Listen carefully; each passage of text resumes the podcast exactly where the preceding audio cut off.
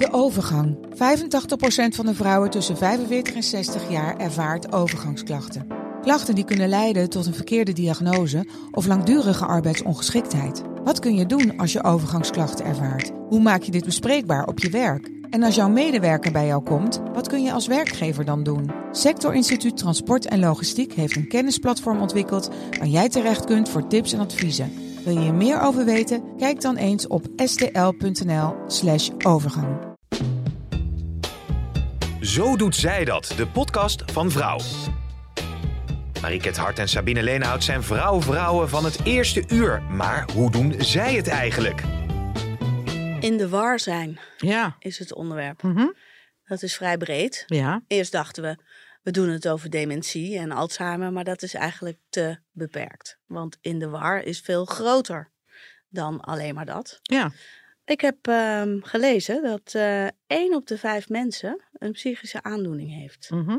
En dat is dan heel verschillend. Dus dat zijn eh, eh, stemmingswisselingen of angststoornissen of verslavingsproblematiek. Maar dus ook de degeneratie der hersenen. Zoals gebeurt als je ouder bent, dat hoort daar ook nog bij. ja. En dat Best aantal veel, neemt heel snel toe, hè? Door de aantal vergrijzing. mensen met dementie. Ja, door Ja. de vergrijzing. Ja. Ja. Volgens mij zitten we nu op 260.000 mensen. Ja. De verwachting is dat het spoedig meer dan een half miljoen zijn. ja, volgens mij is het zo dat er 260.000 mensen per jaar gediagnosticeerd worden met een vorm van dementie. Ja, precies. Ja. Want wat is nou... Vijf per uur, schrijft de Alzheimer Stichting. Oh, echt? Ja. Ja. Nou, dat is eh verbazingwekkend veel. Ja. Ja. Ja, mijn vader dus ook. Mhm. Mijn eh, vader heeft eh, eh, dementie, geen Alzheimer. Hij heeft, ehm, toen hij 38 was, is hij in Amsterdam op het Weteringscircuit met zijn fiets onder een afslaande vrachtauto gekomen. Hij zat dus in de dode hoek van die vrachtauto. Mhm. Het was heel zorgelijk. Hij had een schedelbasisfractuur en hij lag heel lang in het ziekenhuis. Eerst in coma, nog heel lang in het ziekenhuis. Hij is helemaal hersteld. Jeetje. Hij Hoe is- oud was jij toen? Eh, tien. Oh, wat heftig. Ja, kan ik me nog heel goed herinneren. Oh ja? De paniek van mijn moeder eh, toen de politie eh, aan de deur stond. eh, uw man heeft een ongeluk gehad. Mm. Het was volgens mij op een woensdagmiddag. Dus mijn moeder met de buurman naar het ziekenhuis. Nou ja, wij bij de buurvrouw. Ja. Nou goed, hij is helemaal overheen gekomen. Hij is zelfs nog hoogleraar geworden. was nooit wat aan de hand. Tot een paar jaar geleden hij ja, steeds gekker begon te doen. Verwarder werd inderdaad. Mhm. Nou ja, eerst een paar testjes bij de huisarts. Die zei, nou, ik, ik merk niks eh, aan uw man en aan uw vader. En wij zoiets hadden van, ja, maar hm, Hij is anders. hij is anders. Maar je hebt en- een hele slimme vader. ja, toch? ik heb een hele slimme vader. Hij was hoogleraar. Mhm. Nou ja, maar wij hadden echt zoiets van, ja, maar eh, toen ging hij eh, van, met de auto van naar eh, Amsterdam. En toen was hij niet over de ringweg gegaan. En toen zei ik, pap, waarom ben je niet over de ringweg gegaan, maar binnendoor? Ja, maar die ringweg is zo nieuw. Nou, dat ding ligt er volgens mij ook al sinds de jaren zeventig. Uiteindelijk is hij naar de neuroloog gegaan en die heeft een foto gemaakt. En die zei, nou, uw vader is door dat ongeluk, want toen Mhm. hij 38 was, is een Mhm. deel van zijn hersenen beschadigd. En nu hij ouder wordt, kan het gezonde deel van zijn hersens, het zieke deel, niet meer overnemen. Oh, dus het is niet erfelijk.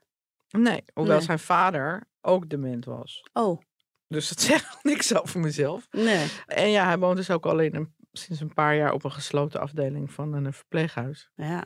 In mijn familie eh, heerst het eh, niet echt. Alleen, ik weet wel dat, er, dat ik er nooit grappen over mag maken met mijn zus tegen mijn moeder. Want die eh, wordt daar bozig van.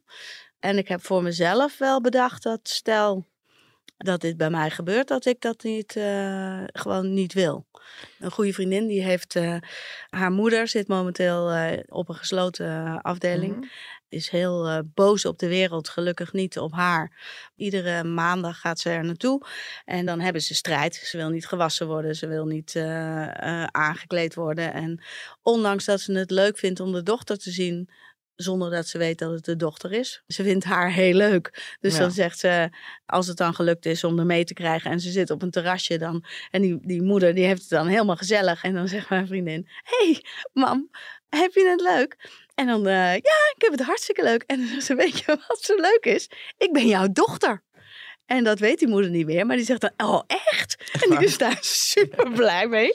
Want die heeft het gewoon leuk met haar. Maar ja, aan de andere kant is het enorm verdrietig. Want die vader uh, leeft nog. En uh, ja, heeft dus uh, drie kwart jaar geleden echt moeten besluiten om zijn vrouw mm -hmm toch uh, op te laten nemen. Want uh, ja, ze liep de hele tijd weg en uh, werd ook op hem heel boos. En hij kon dat allemaal niet aan. Maar dat is bij ons ook zo, hè? Mijn vader liep ook weg. Ja. Op een gegeven moment was hij vermist. Ja. En toen is hij zeven kilometer verderop gevonden. Toen was hij dus blijkbaar aan het lopen naar zijn oude werk. Mm. In de buurt van de Ikea Mm -hmm. Gevonden. Dat was ook wel echt het moment dat we besloten om hem te laten opnemen. Ja. Maar hij kon gewoon eigenlijk niet meer alleen thuis blijven. Mijn moeder durfde niet eens naar de wc. Nee, nee. Oh. Dus Maar wat ik nog wilde vertellen Ja. over die vriendin, omdat zij ook al bij haar eh, schoonmoeder, eh, die inmiddels overleden is, heeft gezien hoe afschuwelijk deze aandoening is. En wat er dan van je overblijft, wat voor een belasting je wordt voor je omgeving. Ook al doet iedereen het met liefde, hè? Mhm. eh, je verzorgen. Maar het is wel belastend. Dat heeft zij voor zichzelf besloten dat zij dat niet wil, samen met haar, haar man. Mhm. En hebben dus eh, bij de huisarts eh, en bij de notaris al vast laten leggen dat op het moment dat, dit, dat er zich tekenen voor gaan doen dat die erfelijke aandoening ook bij hun ehm, zichtbaar is, dan maken ze er een eind Hoe aan. Nou ja, middels eh, euthanasie. Dat ligt nu dus helemaal vastgelegd. En dan moeten zij op tijd, als ze nog volledig toerekeningsvatbaar zijn, dat heeft ze dus ook al tegen ons gezegd. Nou, ja, als jij aan mij merkt dat er iets aan het veranderen is en ik en mijn directe omgeving ziet het niet omdat ze te dicht op me staan en me iedere dag tegenkomen, dan moet je me meenemen naar de huisarts. En dan moet ik dat formulier ondertekenen, want dan ben ik nog bij zinnen. En dan is het alleen maar rechtsgeldig. Maar heftig, hè? Ja, heel Ja. heftig. Ik heb ook eh, een heel mooi programma gezien van eh, Erik Scherder. Dus zo doet hij dat eh, verderop Ja. in deze eh, podcast. En daarin ging hij op zoek naar... ehm, eh, want hij wil zelf zo oud mogelijk worden. hij, is Mhm. ook, hij is bang voor de dood. En eh, hij is ook bang eh, voor dat wat er in zijn hersenen kan gebeuren. Terwijl hij eh, er het meeste van weet ongeveer van iedereen in Mhm. Nederland. Toen interviewden ze een vrouw en die was 70 en die stond op een tennisbaan. En die vrouw die zei... ehm, over tien jaar eh, op mijn tachtigste verjaardag stap ik eruit. Mhm. Nou, toen dacht ik, huh? Hoe kan je dat nou zeggen? Weet je? je gaat eh, hartstikke goed en er is niks aan de hand. En toen legde zij uit dat zowel haar vader als haar moeder, de een op 79-jarige leeftijd, meen ik, en de ander op 81-jarige leeftijd, Alzheimer kregen. Nou ja, er was drie jaar later eh, geen land meer mee te bezeilen. Nou, zei ze, dat wil ik gewoon niet. Dus ik, eh, ik weet bijna 100% zeker dat deze ziekte mij ook zal treffen. Nou, ik heb een prachtig leven. Ik heb nu al een prachtig leven. En ik leef gewoon deze komende tien jaar naar dat eindpunt toe. En ik vind, eh, mijn kinderen zijn goed terecht nu al. Over tien jaar eh, ben ik er ook wel klaar mee. Dus die had dat eh, voor zichzelf vast laten leggen. In het begin vond ik dat heel heftig om te horen. Dacht ik, nou, dat kan toch niet, dat kun je toch niet doen. Toen ik er beter over nadacht, gaf ik haar helemaal gelijk. En zo ook mijn vriendin, die dit voor zichzelf vast heeft laten leggen. Want zo eenvoudig is dat allemaal niet, hè? Nee, zeker niet. En je moet door allerlei controles heen. En eh, Ja. ja. Ik bedoel, zoals mijn vader, die is lichamelijk gezien heel gezond. Mhm. Hij kreeg corona, was na een paar dagen weer beter. ja. Hij slikt nog geen enkele pil voor cholesterol of bloeddruk of, Nee, nee, eh, of wat dan ook. Hij heeft wel een niet-reanimeerverklaring. Ja. Maar ja, ik heb zoiets van, eh, voor hetzelfde geld gaat hij nog tien jaar mee. Terwijl Ja. ik echt denk van, ja, oh, pap, als je, als je zou realiseren hoe je hier zit, dat zou hij echt verschrikkelijk vinden. ja. Wat je dus ook heel erg merkt, is dat er een enorm personeelstekort is. Dan staan ze in een eentje of met z'n tweeën op de afdeling. Ja, met eh, zwaar eh, demente mensen. Er zit ook een vrouw bij die verschrikkelijk agressief is. Mhm. Ik was een tijdje geleden, was, heeft die vrouw, die verpleegkundige, letterlijk in de gezicht gespuugd. Oh jee. Nou ja, ik las vanmorgen ook een verhaal over nou ja, dat er gewoon ook door het personeelstekort dat heel veel mensen die wel de indicatie hebben dat ze opgenomen zouden moeten worden, niet opgenomen kunnen worden. Mhm. Er is ook veel te weinig wijkverpleging. Aan alle kanten piept en kraakt het. En inderdaad, er komen gewoon steeds meer mensen met die diagnose bij. Mhm. En dat je echt denkt van ja, maar wie moet er dan voor ze zorgen? Dat, dat zijn dus familieleden vaak. Mhm. Terwijl die dat ook niet kunnen. Nee, maar daar gaat het natuurlijk wel naar terug. Ja, Ergens eh, in de jaren 50 eh, is Nederland gaan bedenken. Nou, Weet je, die oude mensen die prop je allemaal maar in een bejaardentehuis. En daar werd aan gebouwd. En nu komen we erachter dat we daar helemaal de mensen niet voor hebben om voor ze te zorgen. Dus uh, die verantwoordelijkheid gaat toch weer uh, een beetje ja. bij families liggen. Nou, maar wat natuurlijk ook gewoon zo is, is dat als, uh, ik geloof, vrouwen één uur per week meer zouden werken in dit soort beroepen als zorg en onderwijs, dat het personeelstekort opgelost zou zijn. Ja, Grijp dus die kans. nou ja, maar goed, dan moet het dus ook wel gefaciliteerd worden. Ja, zeker. Zeker. Maar we zouden het niet alleen maar over, uh, over deze vorm van uh, in de wiriwari uh, hebben. Want er zijn er nogal meer. Het valt mij op dat veel meer jongere mensen ervoor uitkomen dat ze bijvoorbeeld burnt out zijn. Ja, het is veel minder een taboe uh, om uh, over te praten dat je niet zo lekker in je vel zit. Ja. Ik las ook weer net een verhaal dat het voor twintigers en dertigers heel normaal is om, als het in je relatie niet zo lekker is, soms al na twee of drie jaar in relatietherapie te gaan. Oh, oké. Ja, dus blijkbaar kun je ook veel meer tegen je omgeving zeggen van ik zit gewoon niet zo goed in mijn vel op dit moment. En ik heb daar hulp bij nodig. Ja. Ja, naar de psycholoog of uh, zelfs naar de psychiater gaan is iets minder een taboe dan dat het uh, tien jaar geleden was, heb ik het idee. Ja. ja? een vriend van mij, zijn zus heeft uh, anorexia gehad, 30 jaar geleden. Ja. En hij zei, ja, eerst wilden mijn ouders daar niks van weten. En uh, nou ja, op het moment dat, ze, dat het echt heel slecht met haar ging, toen gingen ze pas hulp zoeken. En dat is wel goed. Ik bedoel, ik denk dat dat tegenwoordig wel veel meer wordt erkend. Mm -hmm. Ja, zeker. Nou is dat een, een vorm van in de war die heel vaak weggehouden wordt van de omgeving, hè? Dat kan ook nog wel even duren voordat je in de gaten hebt dat je je kind of uh, ja.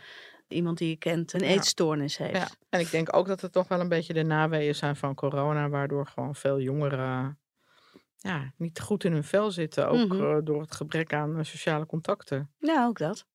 Nou, dan hebben we nog meer in de war. Dat is uh, natuurlijk uh, iets in het autistische uh, spectrum. Mm -hmm. Ook zo'n 3% wordt daar jaarlijks mee gediagnosticeerd.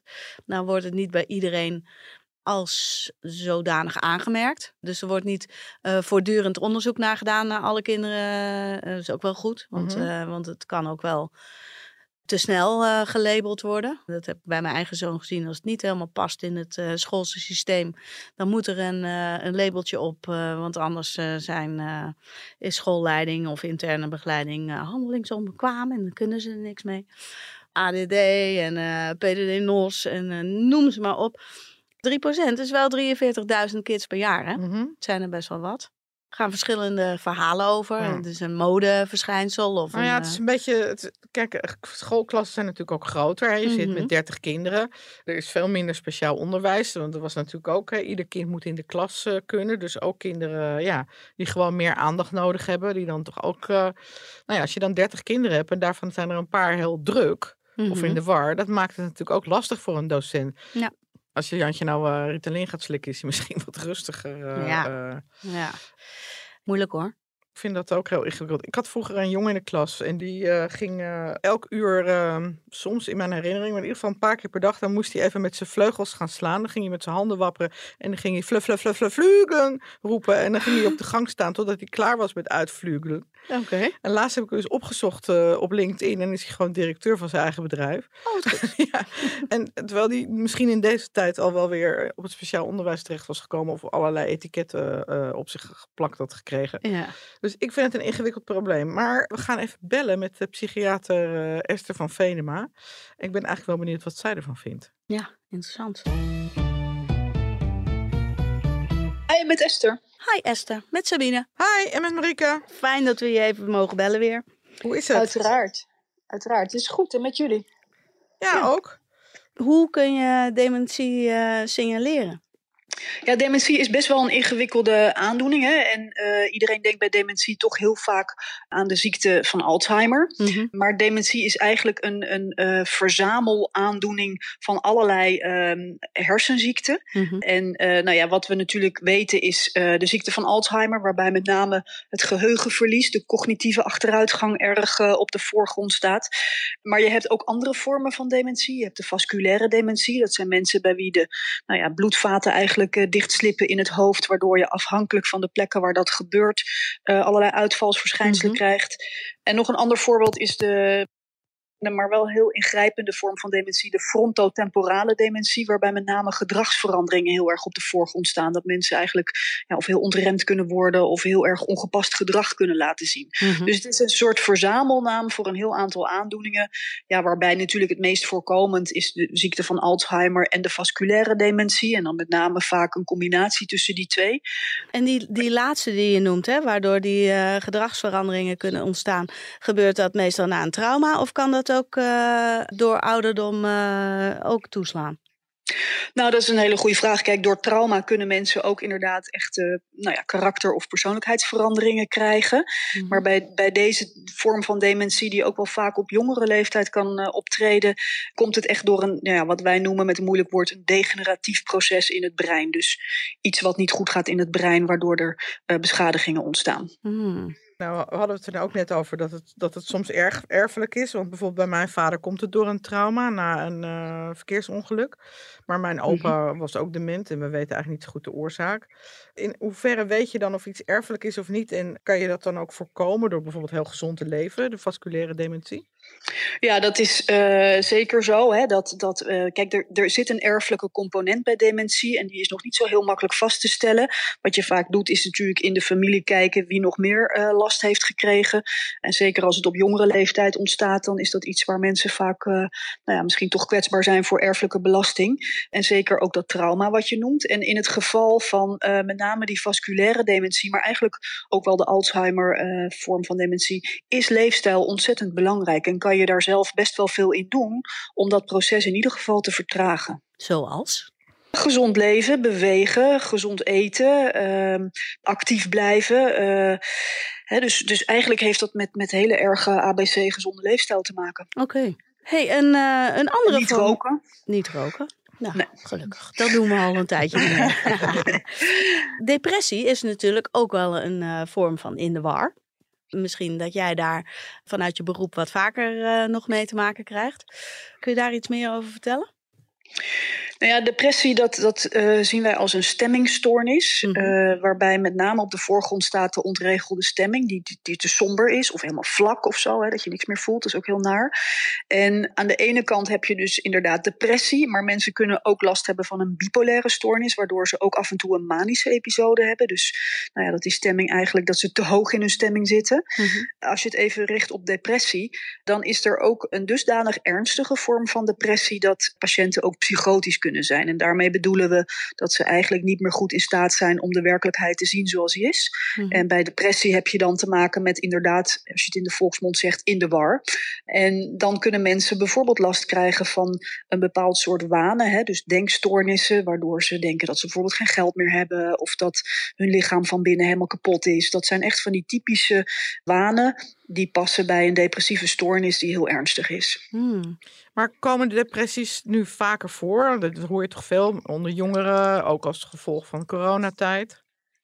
Ja, er zijn wel aanwijzingen. Hè. Er zijn wel onderzoeken, bijvoorbeeld van inderdaad het RIVM en zo, die dat laten zien. Uh, ik moet zeggen, in de praktijk valt mij ook op dat we veel jongeren zien die met depressie, depressieve klachten binnenkomen. Dan kan je zeggen, goh. Uh, hoe kan dat nou? Hè? Een beetje weerstand tegen slag in het leven. Uh, maar ze voldoen dan ook echt wel aan de criteria om, om te zeggen van nou, dit is een depressie. Mhm. En ook dat heeft natuurlijk, kijk, voor corona vonden wij als psychiaters jongeren vaak ook wel kwetsbaar. Toch wel uh, ja, een bepaalde manier van, van leefstijl met veel op de social media gericht, op extern, op, op likes, op beloning van buitenaf. En ja, toch wat ik ook wel vaak noem een opvoedstijl waarbij toch veel nare negatieve dingen vaak weg worden gehouden. En dan als jongeren op een gegeven moment in het grote mensenleven kom je dingen tegen ja, die je niet in de veilige setting van je gezin hebt leren verdragen. En dan als je dan kwetsbaar bent voor depressie, hè, zit ook altijd een stukje aanleg toch vaak, dan kan je inderdaad op een gegeven moment toch door relatief iets wat, wat misschien niet zo heel ernstig is, maar toch in een depressie belanden. Ja, je, je gaf al aan dat uh, uh, wanneer ouders uh, eigenlijk alle negatieve dingen in het leven van een kind uh, weg proberen te poetsen, dat dat op latere leeftijd uh, gevolgen kan hebben. Zou het daarom ook kunnen dat die millennial uh, zo moeite met zichzelf heeft? Ja, ik heb daar altijd drie uh, verklaringen voor. Namelijk wat ik zei, die opvoedstijl. Hè, het weghouden van, van negatieve, moeilijke dingen, waardoor je niet goed leert om daarmee om te gaan en om weerbaar te worden. Even heel kort door de mhm. bocht. Dat enorme focus op de social media. En uh, nou ja, dat moeten voldoen aan die standaarden van buitenaf. En toch ook, en dat is een beetje een ingewikkelde, de uitkomstmaten die ik zo vaag vind. Hè. Je moet leuk zijn, je moet bijzonder zijn, je moet geweldig zijn. En dat is natuurlijk heel anders dan, dan nou, misschien wel uh, vroeger, uh, jaren, weet ik veel, 60, 70, dat je gewoon een baan moest hebben, een huis moest kunnen regelen. Uh, dus veel concretere uitkomstmaten. Want ja, je bent natuurlijk nooit leuk genoeg mm -hmm. en bijzonder genoeg. En ja, dat kan voor sommige mensen, zeker niet voor iedereen, kan dat, kan dat toch wel een belasting zijn. Ja. En kun je dat als ouders voorkomen? Ja, ik, ik zelf probeer toch altijd zo concreet mogelijk uh, te kijken van goh, wat heb je nodig om goed in je vel te zitten? Uh, wat zijn je doelstellingen?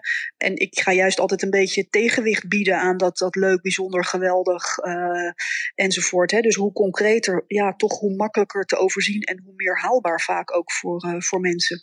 Nou, super interessant. Ja, echt. Ja. We kunnen hier nog wel vijf podcasts over maken, merk ik al.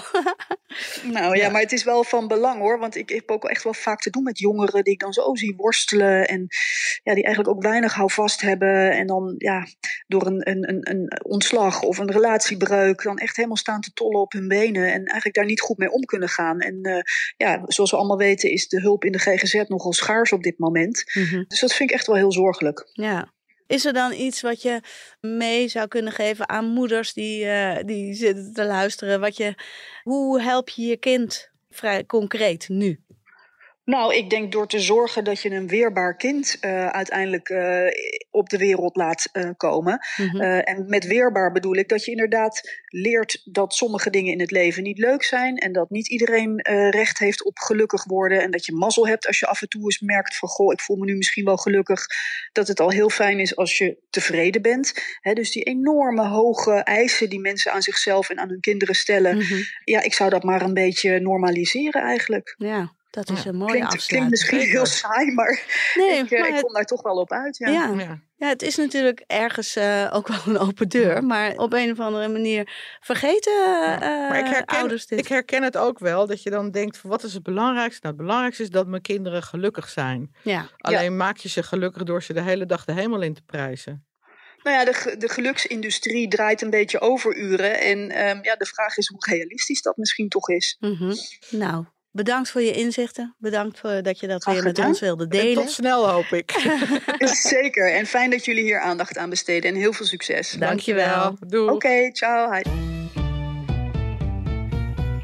Ik vind het altijd fijn om uh, even naar haar te luisteren. Ja, want het is altijd relativerend. En uh, op een of andere manier denken we, jij en ik, eigenlijk wel hetzelfde over, nou ja, als je dit doet, dan gebeurt dat. En als je, weet je, de curling-ouder, waar wij natuurlijk wel regelmatig over mhm. schrijven, mm -hmm. of de, dat we het ook wel een beetje zelf in de hand hebben als ouders. Misschien dan niet per se jij en ik, maar uh, als ouder. We hebben het natuurlijk al eerder in het Lege Nest uh, uitzendingen over gehad. Dat je je kinderen eigenlijk niet helpt door alles maar bij ze weg te houden. Ja, zeker niet. Vroeger dacht ik misschien nog wel, pff, ik ben één keer, uh, nee, drie keer bij een relatietherapeut geweest. Toen mijn relatie uh, echt in zwaar weer uh, verkeerde. Mijn huwelijk in zwaar weer verkeerde. Het was een van de eerste dingen die zij tegen mijn ex zei. Dat hij terug moest komen bij zijn achterland. Waar kwam hij vandaan? Uh, hoe was zijn jeugd? Hoe zaten bepaalde systemen voor hem in elkaar? En uh, aan de hand daarvan konden we verder bouwen. Toen zei ik, jezus, ik, daar heb ik helemaal geen zin in om, uh, om daar naar terug te gaan. Mm -hmm. Nu ik zelf 15 jaar ouder ben en naar die woorden, die woorden van, die, van die relatietherapeut terughaal, denk ik, ja, maar het is wel dat wat er in je jeugd gebeurt, dat plant gewoon iets. Dat, dat zorgt voor een vervolggedachte. Dus, dus op het moment dat jouw vader of je ouders voortdurend bepaald gedrag vertonen in een relatie, dan denk je dat dat de norm is. En dan denk je dat je dat of je reageert op wat er met, uh, met hen toen gebeurde. En dat bepaalt voor de rest van je leven jouw gedrag. En ineens zie ik dat veel duidelijker. En ik denk dat professor Scherler daar uh, ook wel het een en ander over te vertellen heeft. Zo doet hij dat. Dementie kun je niet voorkomen. Maar als u mij vraagt, kun je de risico's op dementie verkleinen? Is het antwoord ja. En wat moet u dan daarvoor doen? Nou, In feite is het antwoord moeite doen. Moeite doen, zowel lichamelijk als geestelijk. Lichamelijke moeite doen betekent dat u denkt, nou, ik had vandaag best nog wat meer kunnen bewegen. Dan zeg ik, nou, dan had u dat eigenlijk moeten doen en doe het dan ook. En geestelijke moeite doen betekent geestelijke inspanning. Denk aan schaken, dammen, kaartspelen waar je echt je best voor doet. Maar ook uh, kruiswoordraadsel. Dan denk ik, ik neem echt een heel moeilijke kruiswoordraadsel die ik allemaal op moet lossen. Dus geestelijke inspanning en de combinatie met lichamelijke inspanning, ja, dat is echt moeite doen. En daarmee vermindert u de risico's op dementie. Natuurlijk kennen we allemaal mensen die het allemaal deden ook. En die toch de ziekte van Alzheimer kregen. Dus nogmaals, u kunt het er niet door voorkomen. Maar u kunt er wel mee de risico's verlagen. Nou, zet hem op, zou ik zeggen. nou, zet hem op. Hij heeft natuurlijk ook die app van het ommetje. Het ommetje, ja. ja. Doe je wel eens een kruiswoordraadsel? Zeker. En ik vind sudoku's vind ik leuk om te doen. En af en toe een kruiswoordraadsel uh, doe ik, maar dat is wel af en toe. Maar ik speel onwijs veel spelletjes. Ik doe nog uh, heel veel Wordfeud uit het jaar nul. Oh, ja, maar ja, daar moet je ook bij nadenken. Daar moet je ook bij nadenken. Maar wat Erik zegt, dat je aan het eind van de dag denkt... ik had toch wel wat meer kunnen bewegen. Ik ga wel veel naar de sportschool. Maar dat, op de dagen dat ik niet naar de sportschool ga... dan haal ik lang niet altijd die 10.000 stappen. Nee, dat haal ik ook niet, want ik ben echt een lui varken wat dat betreft. Maar ik ga wel drie keer per week pedellen. Ik blijf wel in beweging. Maar um, wat ik weet uh, uit zijn tv-programma's, dat hij bijvoorbeeld als hij op de trein moet wachten, want hij, heeft, uh, hij is bang voor autorijden. Ja, rijangst hè, en vliegangst. Uh, ja. En dat hij, wanneer hij op het perron nog tien minuten moet wachten, dan gaat hij trappen lopen. Hij gaat nooit stilstaan. Hij loopt gewoon even de trappen op en neer en nou, kijkt weer ergens anders. Hij is voortdurend in beweging. Ja. Weinig calorieën innemen. Dat is ook goed, hè? Ja, weinig alcohol. Ja, ook. Nou, dat doe ik al niet meer zoveel. Ik ben al bijna helemaal van de alcohol af trouwens. Jeetje. Jeetje. Zeg, maar uh, laten we het nog eens even over het taboe hebben. Het zo doet zij dat. Taboe. Nou, ik heb het natuurlijk al even aangekaart. Maar dat je uh, gebruik maakt van je zelfbeschikkingsrecht. En dus uh, een einde zou willen maken aan je leven op het moment dat jij denkt dat het niet meer moet. Mm -hmm. Ja, dat blijft een taboe. Nou, ik heb een keer een boek gelezen van uh, Annegreet van Bergen. Haar moeder wilde ook niet meer leven. Die was volgens mij ook beginnend dement, uh, in ieder geval ziek, maar nog lang niet dood. Mm -hmm. En die wilde wel dood. En uh, nou, er was dus geen arts die haar wilde helpen. Dus ze is uiteindelijk gaan versterven. Mm. Dus dat is gewoon in bed gaan liggen zonder eten en drinken. Het lijkt me echt een verschrikkelijke dood. Toen ik dat las, dacht ik, nou, volgens mij is het nog niet zo makkelijk als je niet meer wil leven om ook daadwerkelijk ja, hoe zou ik het eerbiedig zeg maar, de stekker eruit te trekken. Ja, nee, dat is inderdaad niet zo makkelijk. En ik heb voor vrouw ook alweer drie of vier jaar geleden heb ik uh, um, toevallig een vriendin geïnterviewd, wiens ouders er allebei voor gekozen hebben om zelf uit het leven te stappen. Dat hadden zij vastgelegd toen zij 70 waren. En um, als criterium uh, dat op het moment dat zij uh, geestelijke aftakeling gingen vertonen, dat dat zou gebeuren op het moment dat dat gebeurde, de beginnende Alzheimer had ingezet bij die vader. Met die moeder was nog niets aan de hand. En toch, omdat ze dat samen besloten hadden en die moeder ook zei: Ja, weet je, dan gaat pa nu dood en dan uh, heb ik misschien nog drie jaar. Waarin ik hem vreselijk mis, omdat we al 65 jaar bij elkaar zijn. Nou ja, ik, heb, ik wil dit niet. Hebben ze het samen gedaan. Daar was inderdaad het een en ander voor nodig. Een heleboel voor nodig. Ja. En ook dat, uh, dat ondanks dat zij zelf de yoghurt met het gif namen, wordt de plek waar ze stierven, werd wel meteen plaatselijk. Dus dan komt de recherche die mm -hmm. komt en er uh, komen allerlei onderzoeken. Je moet het heel goed documenteren. Maar daar zijn wel instellingen voor die je daarbij kunnen helpen. Ook dat hele voortraject, ja. daar heb je dus ook klopt. hulp bij nodig. Want ja. mijn overbuurjongen, die heeft dus vorig jaar euthanasie gehad op zijn 25ste. Mm -hmm. Hij was heel erg depressief, al ja. heel lang en had heel veel angststoornissen. Hij kwam eigenlijk al jaren niet meer buiten. Nee. En toen nee. heeft hij dus aangegeven, ik wil niet meer leven. Uiteindelijk uh, ja, is hij ook met, met hulp van de psychiater. Maar het is een heel lang proces geweest, ook iets van twee of drie jaar, totdat hij uiteindelijk uh, is overleden in mm -hmm. zijn eigen bed. Mm -hmm. Heftig hoor, van die moeder, jeetje. Ja, vreselijk heftig. Want ja. je, ik, ik kan me zo voorstellen dat uh, als mijn eigen zoon klaagt over depressie... en uh, die heeft daar ook wel de neiging toe, hè? het voelt dan voor mij alsof ik iets verkeerd heb gedaan. Alleen dat, ja, dat is niet zo. Ja, Ik heb niks verkeerd gedaan. Het zit, het zit tussen zijn oren. ja, Wat we net al zeiden, je hoopt dat je kinderen, ja. dat je ze een beetje gelukkig de maatschappij induwt. Maar ja, ondertussen is het nog wel wat zij er zelf van maken. ja. En ja, Je Ik- probeert de weg voor ze te plaveien, maar wat Esther ook zegt, ja, weet je wel, daar, daar doe je ze niet altijd een dienst mee. Want dan komen ze op een gegeven moment ergens op een werkvloer eh, ja, waar ze worden ontslagen. ja, Of eh, eh, ze krijgen een relatie en de vriend of vriendin maakt het uit. ja. Ik bedoel, je kan ze niet behoeden voor alle tegenslag eh, in de wereld. We hadden toevallig, eh, was er afgelopen weekend een discussie op Twitter of eh, jongeren een bijbaantje moesten hebben. ja. En er was onder andere een moeder die zei, ja, mijn kind zit op het gymnasium, waarom zou hij in godsnaam moeten gaan schoonmaken? En ging nog wel heftig aan toe, dus we hebben die discussie ook opgepakt voor vrouw.nl, van moet jouw kind een bijbaantje hebben? En toen dacht ik van ja, weet je, ik denk echt, eh, ik weet nog wel dat, dat Vincent, die ging voor het eerst in de horeca werken. Ja, die ging in een biercafé in Amsterdam en dat hij ook wel redelijk in shock was dat hij werd afgeblaft. ja.